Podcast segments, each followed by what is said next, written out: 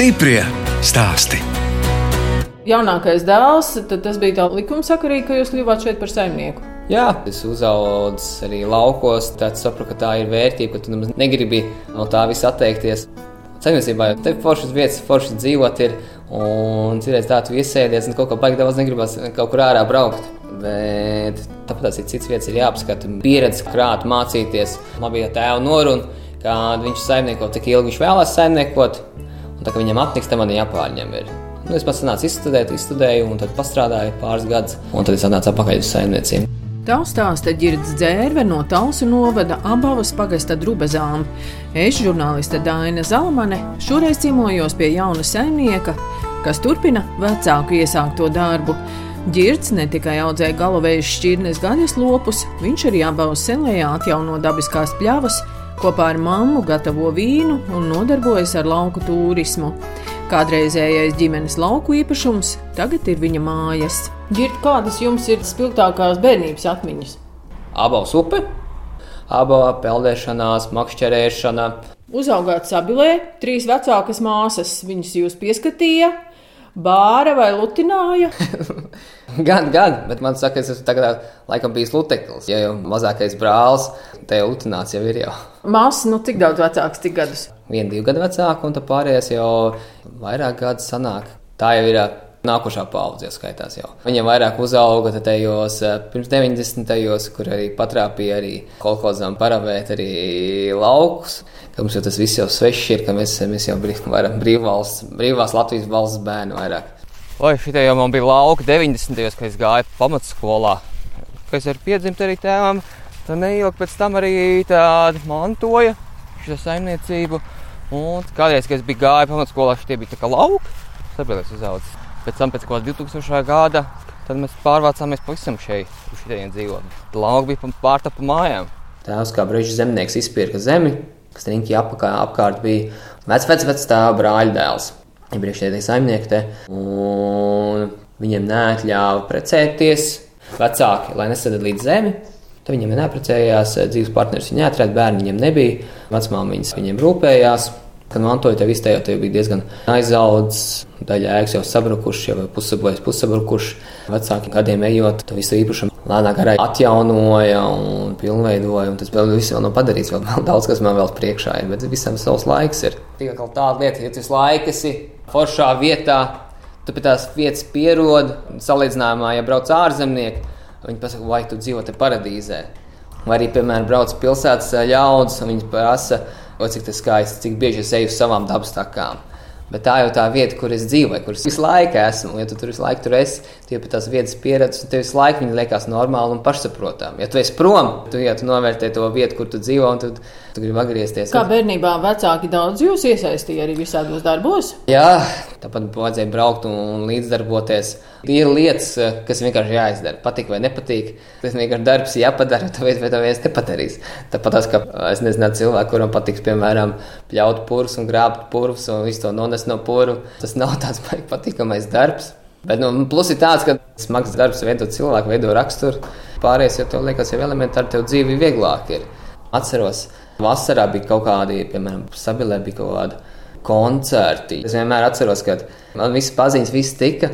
Es nereiz netiku, jo tad bija vai nu siedu laiks, vai malka bija priekš ziemas jāpalīdz vecākiem uz sētu atvest vai saskaldīt vai sazāģēt. Saimniecībā jau darbi ir pietiekoši, bet nu, tie darbi, ja tev ir jāpadara, tad jāpadara. Ir. Un noteiktā laikā. Jā, un noteiktā laikā, un ja darbinieka nav, pašam tas viens ir jādara. Nu, ja jūs zināt, ka būsiet šeit saimnieks, kāpēc tad jūs izvēlēties tādu profesiju, vides zinātni? Tas bija tas laiks, kad tēvs jau bija aizsācis lauku turismā. Tā kā ekotūrisms var teikt, ka dabīgo pļāvu apsaimniekošanu un tā daba un vispārējais. Nebija neviena cita nozara, kas to visu varētu apvienot. Un tā vidzinātne tā bija tā vieta, jā, kur sapratu, tur ir par visu. Tur ir ilgspējīga saimniekošana, augsnēs, Lai arī man ir ļoti spēcīgs aineviskais vizuālajā uztvere, man patīk, ka visas foršas ainevis izskatās, tāpat tās tur arī mācās painavām, klimatoloģijas. Tas ir tāda lieta, kas diezgan daudz arī dzīves laikā saimniecībā ir noderējis. Pāris gadi ir pēc studiju laikiem pastrādāts, ir ārpus saimniecības. Rīga ir forša, studiju laiks ir foršs, bet sapratu, jā, ka Rīga tā nav priekš manīm, tā nav tā dzīves vieta, kuras vēlos dzīvot. Kur jūs strādājāt? Es biju kā izbraukuma menedžers. Var teikt, pa laukiem braukāju un tirgoju gaļas, strādāju gaļu. Tas palīdzēja arī attīstīt tirgošanas prasmes, komunikācija cilvēkiem. Laba alga ir forši. Var strādāt, cik daudz tu gribi. Ja kādam citam strādāt, pats bagāts nekļūs.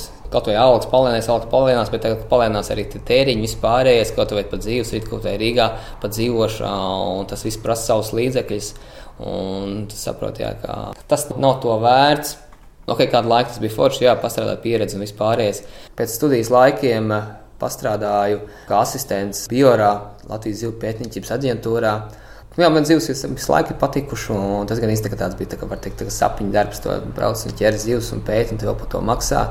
Bet tad es sapratu, jā, ka, ja par to darbu gribu turpināt nākotnē, tā ir Rīgas dzīve. Ir. Jūs man stāstījāt, ka divus gadus neklātienē mācījāties pēc augstskolas skandāls lauksaimniecības tehnikumā. Jā, pēc augstskolas nāca vairāk kaut kādas sīkākas mācības. Divi gadi, tomēr tas taču ir daudz. Nu, neklātienē tas prasa savu laiku, slinkot nevar, tāpat jāapmeklē, kaut kas iemācās arī ir. Kā nav lauksaimniecības tehnikumā, kā lauksaimniecības mehanizators. Un, tāpat tas tur jau tiek piesaistīts lauksaimniecība par lokopību, augkopību, par augsnēm. Nu jā, tas jau ir nepieciešams, lai jūs varētu kādos jā. projektos startēt. Jums jā, jā, nepieciešama lauksaimniecība. Tāpat tas arī zināšanas ir diezgan noderīgas, vajag izprast, kas un kā, kāpēc tā notiekās un kā kas jādara. Ir. Kāpēc jūs negājāt tādu tradicionālāku ceļu pēc 9. klases uz Kandavu un tad uz augstskolu? Tad mēs neizdomājām par to. Man tēvs arī pabeidzis, ir Kandavā, arī ir lauksaimnieks mehanizators. Pabeidz studijas, un tad saprot, ka vajag kaut ko vēl praktiskāku. Jā, jā, jā. jā. Tāpēc es teicu, mums arī dabas taka ir, brauc arī daudz viesu. Dabas takām, un tāpēc arī cilvēki grib, lai saimnieks izvedā par takām. Un, ja tāda iespēja dot, ir tāpēc, ka daudzām mācībām jau ir piesaistīts projekti. Ir, jo mācības tā, sākt mācības, tas atkal prasa savu finansiālo ieguldījumu. Tāpēc kā augstskola. Ah, šogad nobeidzās desmit gadu kredīts. Ļoti vērtīga Latvijā tagad ir daudz mācības, izsēdes, kur projekti tiek piesaistīti. Izglītība un izmēs maksas. Kā, ja tev tāda iespēja, tāpēc gan neizmantot. Nu, ko vēl jūs esat apgūlis? Tad bija izmācījies pa vidusgidu. Viss arī grupas šādi, tad kāds arī izveda pa dabas takām. Stiprie stāsti!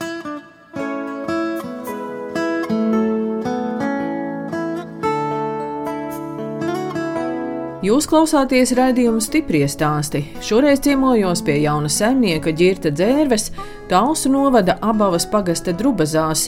Girts kopā ar vecākiem Abavas ielā apsaimnieko 42 hektārus zemes.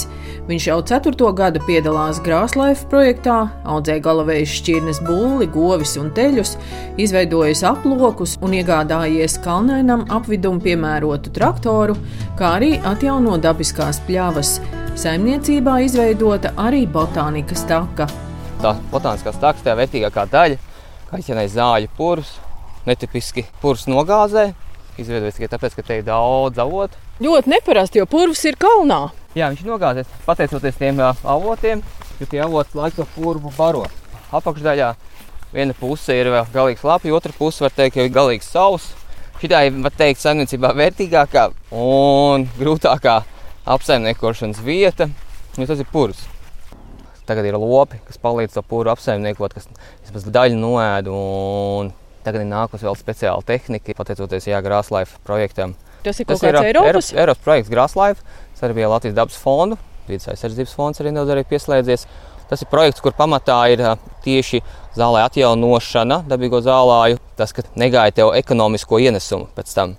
Jo dabīgie zāle atjaunošana, tas jau vairāk ir līdzekļu ieguldījums nekā tur uh, sanāk pēc tam peļņa no tā. Tas tāds Cik ieguldījums nākotnē. projekts ilgst? Tagad noslēdzošie ceturtais gads iet. Ir jau iepriekš, pirms projekta jau tāpat tās tēvs jau aizsāka jau kaut kur 2000. gads. Katru gadu pamazām darīts, bet projekts bija tas, kas finansiāli tu vari uzreiz atjaunot lielākas teritorijas. Kad dabīgās pļaus vajag vismaz noteikti zināmu teritoriju, lai viņi spētu eksistēt. Ar zinātniekiem runājot, ka man ir tagad dabīgās pļaus ir 20 hektāri, ka man ir tas pats, pats minimums, lai tā dabīgā pļauja spētu nākotnē eksistēt. Jo dabīgiem zālēm, jādomā, tas nav tāds pārgadu domāšanas variants, apsaimniekošanas. Dabīgiem zālēm desmit gadi nav nekas.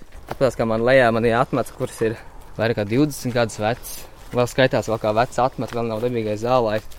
Bet kāpēc jums ir interese par tiem dabīgiem zālājiem? Nu, tas ir tāpēc, ka jūs pats tomēr studējāt tās vides zinības. Nē, nu, tas dabīgais zālēs var uzskatīt arī kā resursu. Ja dabīgais pļāvās ir ļoti daudz bites, apakšteksnētāji, tāpat tās vai googlājam, lai vienīgs aputeksnētu. Tā ir tāda, tā kā var teikt, ka ķēdē viss ir saistīti. Ir. Un nemaz negribējās iedomāties, kas būtu nākotnē, ja viņas izzustu. Kas tad notiktos? Šeit tie kadiķi arī ir stādīti, vai tie ir dabīgi ne, auguši? Tie, dab, tie dabīgi ir. Kadiķiem viņi arī diezgan labi arī paši izsējās. Cik es arī esmu pētījis, kāpēc man tās vērtīgākās tieši tās pļaus tieši augšējā nogāzē terases. Tas pateicoties reljefam. Jo kaut kādos laikos mēģināja apērt to, ko vien varēja apērt. Un te bija tāds pluss, ka augšējā terasē te nekādīgi nevarēja piebraukt ar tehniku. Ceļš nebija izbūvēts pa purvu. Tepat, kur mēs nācām uz augšu, 750 mēģināja uzbraukt, bet tā arī nogrima. Tāpēc ir saglabājušās piemēram, tās nogāzes daļa, ir, ir saglabājušies pat nepērta kopš mūža laikiem. Nu, redzam, tagad tā ir vērtība. O, jā, tā ir tā vērtība. Ir, te ir diezgan daudz dažādas vērtīgas augu sugas, reti sastopams. Šeit jau var redzēt, jau orhidejas Baltijas zeguši prikstīts. Mums arī vecs atmats ir otrā pusē ceļam, lai tur ātrāk atjaunotos, tāpēc jā, no šitienes ņem vērtīgos augus un nogādāt tur lejā tas sēklas, lai viņi ātrāk iesētos, jo paši viņi dabīgā zālē tik ātri neatjaunojās. Cik lielai augu dažādībai jābūt ir pļavā? Kas dabīgo pļavu var uzskaitīt, ja vismaz 15 indikātoru sugas ir. Tepat ir pat, pat 50 ir. Tāpat tās arī, ka pļauj, netiek jau viss nopļauts tā pļauja. Tagad drīkst vismaz atstāt ekoloģiskos laukumus, saucamos, arī kādam augam izdziedēt, un tāpat tās pļaujā jau nav tikai augi. Zirnekļi, citādi kukaiņi, zvēriņi, ķirzekas, tauriņi, visu pļauju nopļauj. Tas vai daudziem nav kur paturēties no stārķa nābi. Pateicoties arī projektam, tiek piesaistīti Latvijas universitātes pētnieki, vai tie paši dabas fonda eksperti, ar kuriem var konsultēties, un, ja kas neskaidrs, ir jautāt. Tāpat viņi arī veids, kā saka, monitoringu. To visu, ko tu esi darījis, tad kaut vai uzveikt, ko ir sugu piesējas bijuši, skatīties pēc sugu piesējas vai ir nākuši klāt kāda auga vai nav nākuši klāt. Dabiskajās pļavās abaus senlajā ganās galovējuši šķirnes gaļas lopi, sešas mammas, pieci teļi un bullis. No citiem gaļas lopiem tie atšķiras ar izskatu. Paši ir tumši, bet tiem ir balta josla ap vidukli. Skotu izcelsmes, bet Lans Govs braukši no vidzemes.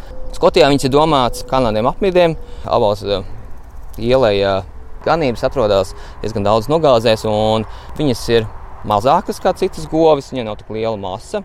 Bet galvenais tā krāsa neparasta. Ah, nu jā, tas ir tā cilvēkiem, ka brauc pa ceļu daudz apstājās un brīnās. ir viens brīnās, jā, kur tāds govs, kurām ir tāds balts josts, bet tāds ir speciāls justainās galvējs. Nu, viņas pašas ir tumšas, jā, bet tā jā, vidusdaļa viņas, ir balta. Jā, jā, viņas ir balta. Ir, Vietējais sauc par pandām, bērni par poreo cepumiem. Viņas sauc tā, ja viņas ir smukas, ir, bet galvenais no visiem šķirnēm, ko Latvijā bija pieejams, es izvēlējos, kas ir atbilstošāka priekš nogāzēm, dabīgajām pļavām, priekš to atjaunošanas un uzturēšanas.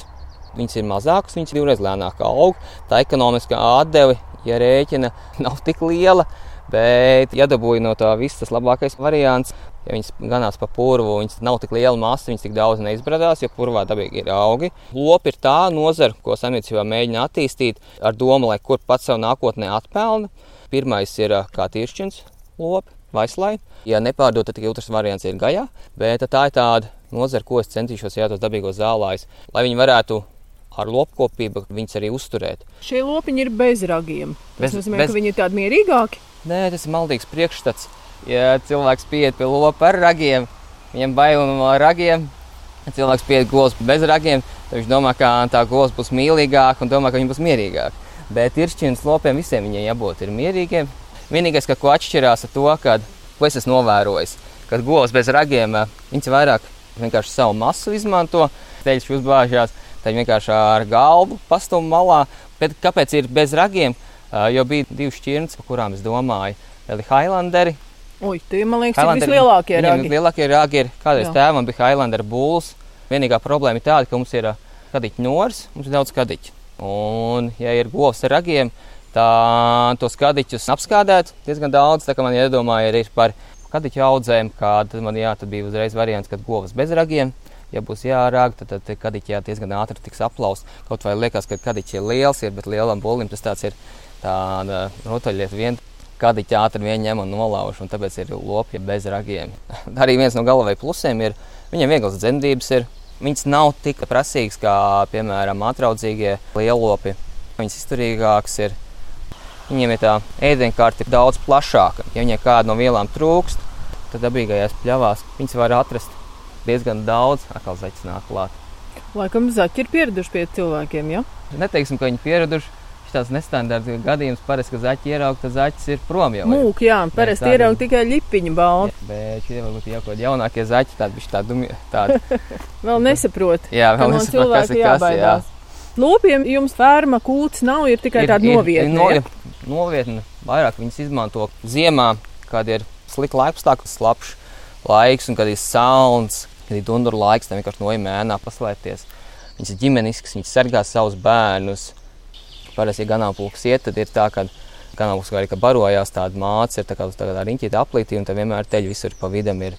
Tas projekts Grāslaifa. Tā tad uh, bija tie lopi, un otra sadaļa tad ir tie dabiskie zālāji. Jā. Beidzot, tas tiks pie nogāžu traktora speciāli, kas paredzēts ir nogāzēm, veids atkrūmošanas darbus kaut vai, kad nav tas viss ar rokām jānones, ka var piebraukt un novilkt, vai arī, arī kad ir pļaujas laiks, kaut kur vai kādu nogāzt pļaut, ka tas nav jādara ar rokām. Tagad es to ar traktoru speciāli var, var izdarīt. Tehniku to izdarīt var ātrāk. Un te ir vecais skaļceplis, kādreiz te bija senos laikos. Tāpēc te ir bedres, ka mēs gājām, visādas bedres ir lauzt ārā akmeņi un turpat tās dedzināts. Vienīgais, kas purvam vēl palicis, ir jāsfinansējums atļaus šogad tieši frezēšana. Vajadzēs nofrezēt celmus un lai atvas arī mazāk arī aug. Tāpat šur tur ir diezgan daudz cīņu. Cīņas vajag pielīdzināt.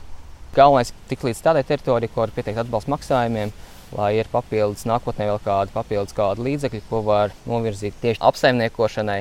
Un tie galavēji arī šeit nāk un ēd. Ja? jā. Parasti viņas nāk šeit uz purvu. Kad, ja viņiem gribas cukurt, viņas uzēda jaunās niedras, atvestas sulīgās mazās. Vairāk viņas purvā, cik es novēroju, ir rudens laikā, jo kops jau viņam ir gudri. Kāpēc viņa ēst purvā, kur, piemēram, nav tik salīdzinoši garšīga zāle kā pļavā, tad viņas pirms apēd pļavu, pēc tam, ja tur vairāk nav ko ēst, tad viņas vienkārši iet ēst nākošā variantā. Jo viņas jau, viņas jau ir gudras, viņas kāpēc viņam ēst to, kas varbūt citreiz tā īpaši negaršo. Kopā ar saimnieku ģirtu dzērvi dodamies pastaigā pa parkveida pļavu. Parkveida pļavi tā ir pļavā, kur ir vairāk koki, kā ekoloģiskie koki, kā ozoli, priedes. Te es skatos, ir diezgan daudz tās priedes pacirstas. Šeit Jā. lidosies arī tās dabīgās pļavas. Ja? Jā, jo senāk kolekcijas laikos agronoms, senāk mans vectēvs, nolēma priedes stādīt. Es viņu saucu par plieņu lauku, jo te ir aizsaknes pliens ļoti tuvu zemes virskārtai. Pat lāps nevar iedurt. Ja viņi izdomājuši, ka kolekcijas laikos nevar uzvērt, tad iestādīs priedes. Tur izdzīts tādas vagas, ir ļoti nelīdzens. Tagad tiek lielākā daļa priedes izņemts ārā. Kā redzam, ir šur tur kādas, nu, kāds, kāds ekoloģiskās priedes palikušas. Nu, kur putniņiem, kukainīšiem dzīvot. jā, jā. Un kā jau parfēta pļavā. Parfēta pļavā mums te ir kadiķis pats pēc sevis vērtīgs. Tad parfēta pļavā mums te ir ozoli un ir priedzi. Tāpēc arī vecā lāzda arī tiek atstāta bioloģiski vērtīga kā ekoloģiskais koks. Tāpat tās nevar jau visas lāzdas izcirst, kad novāks zarus, novāks malku un tad skatīsies, vai vēl kādu ņemt ārā. Es vēl ar zinātniekiem te pastaigāšu un uzklausīšu, ko viņu viedokli Jūs tā bieži konsultējaties ar zinātniekiem par to, ko darīt? Jā, jo pats visu nevar zināt. Dabīgo zālē atjaunošana tā ir tā kā jauna lieta. Runājot par to Grāslaifa projektu, kā jūs tur minējāt, ka tie ieguvumi ir arī aploki un arī apsaimniekošanas plāns. Nu, kāpēc tāds ir vajadzīgs? Tur ir augšanalīzes padziļinātās, jo pašā pamatā jau ir augsne. Un jāskatās, kāda augsne ir, lai saprastu, ko tur var darīt. Jo dabīgo pļauju ne visur var atjaunot. Ja kaut vai ir pārāk auglīgs, tad tur nav vērts atjaunot. Ja, piemēram, pārāk mitrs, tad zina, ka tur sauso zālē sugām nav tur vērts piesēt. Ka viss pamatā jau ir augsne, un tā jāizpēta. No tās seko uzreiz darbi, kas iekļauti ir apsaimniekošanas plānā, ko vajadzētu darīt dabīgo pļauju atjaunošanā, ko vēl varētu nākotnē turpināt. Plāns viņš ir ekspertu zinātnieku veidots. Un tam arī labs plāns arī palīdz vieglāk veikt saskaņošanas darbus, piemēram, kūku krūmu izzāģēšanu. Ja man vajag nepirkt tās atļaujas, tad es sniedzu, kad es rādu, ka man ir apsaimniekošanas plāns, kad man ir pamats atjaunot dabīgās pļaus, vieglāk dabūt, piemēram, atļaujas. Tas arī palīdz samazināt birokrātijas ceļu, ātrāk to visu var izdarīt. Stiprie stāsti.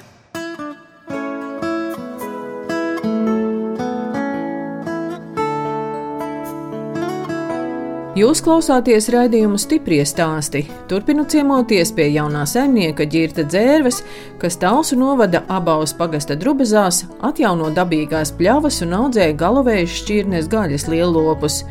Ģirtam jau no bērnības patīk makšķerēt, un pie mājas izveidots neliels foreļu dīķis. Tajā ieplūst vēss ūdens no purva avotiem. Trauks foreles. Mm, tādas jau gana lielas. Jā, viņiem otrais gads ir. Avotu ūdens, kas nāk tur Jā, jums no tā jā. purva. Jā, jā tas ir avots, kas no turienes tek. Sākumā basēns tika izveidots zvuku pēc, varbūt ar, ar domu, ja karsts vasaras dienu papeldēties.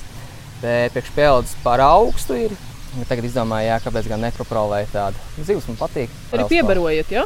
Jā, lai viņas tik smuki izaugtu, viņām būtu tā rozīgā krāsa. Ja par saulītē redzēt, viņas tāds maigs, tāds rozīgs, Nu, tāds skaistas, sāni. skaistas. Viņām ir speciālā foreļa barība. Ir. Viņas jūtās ļoti labi.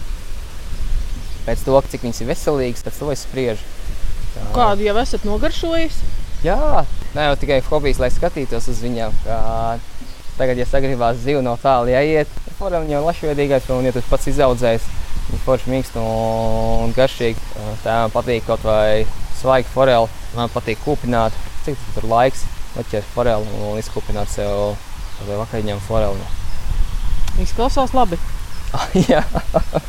Girts stāsta, ka saimniecībā pamatnozare ir vīnkopība, kas šobrīd dod arī lielākos ienākumus.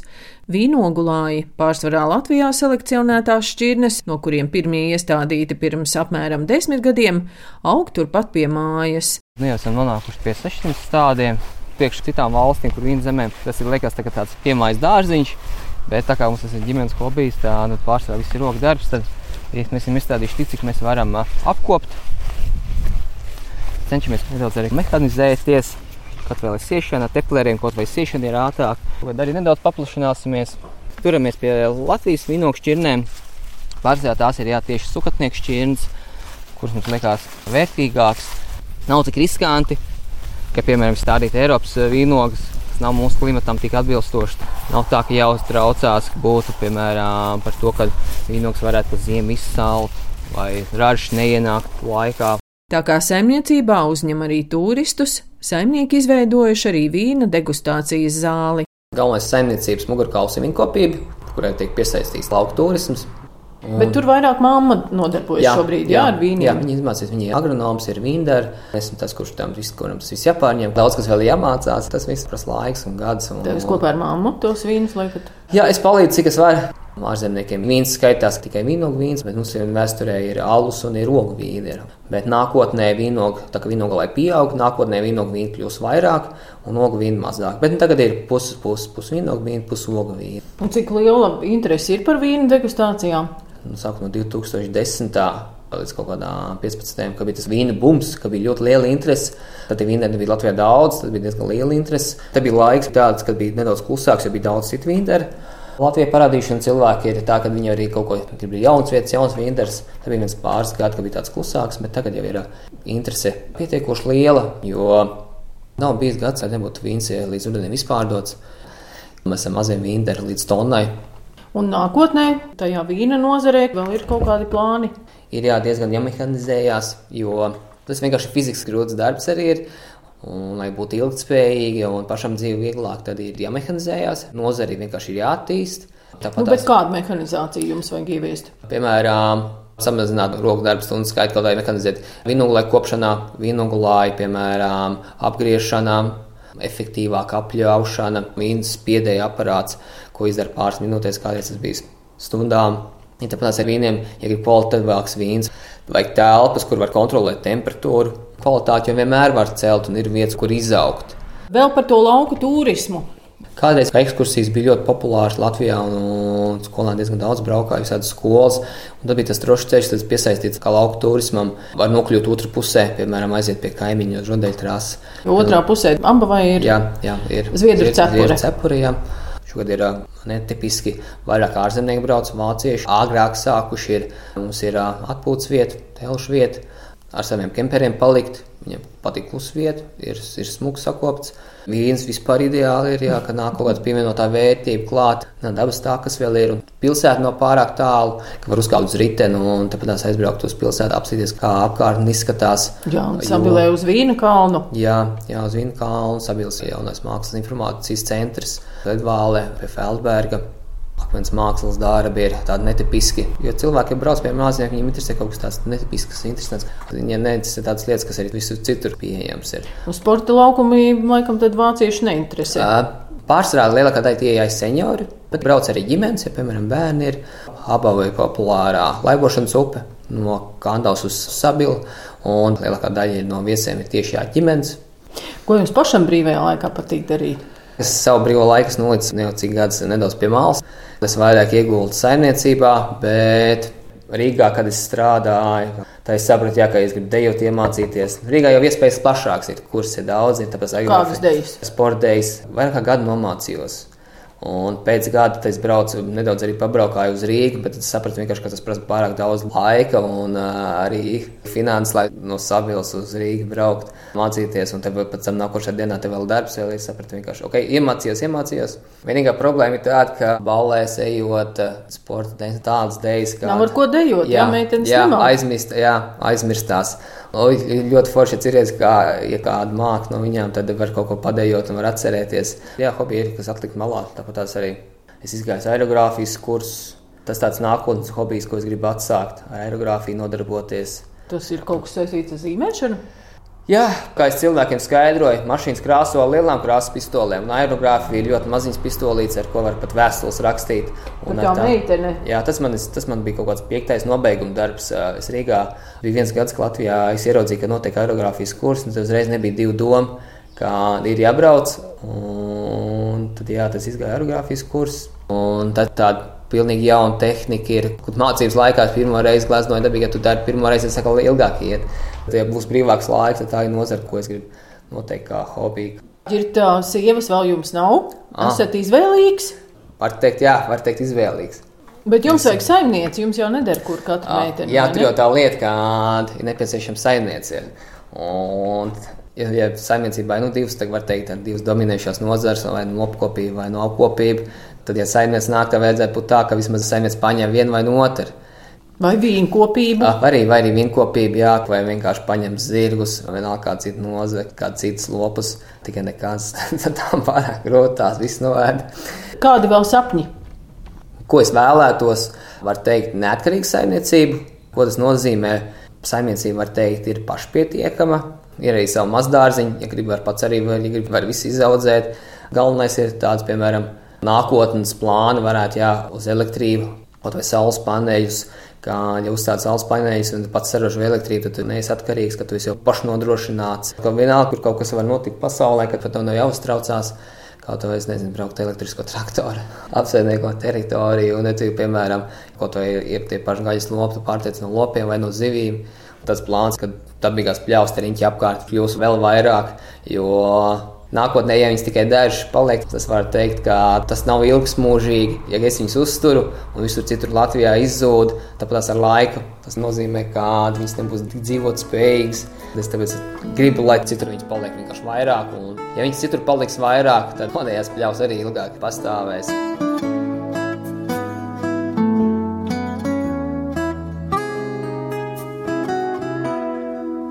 Redījums stipri stāst izskan, un mēs atvadāmies no ģirta dzērves, kas Talsu novada Abavas pagastā, Abavas senlajā atjauno dabiskās pļavas un audzē galavējas šķirnes, gaļas lielopus. Pamatnozare ir vīnkopība, un saimniecībā uzņem arī turistus. No jums atvadās žurnāliste Dāna Zalamane un operātore Inga Bēdelē, lai tiktos atkal tieši pēc nedēļas.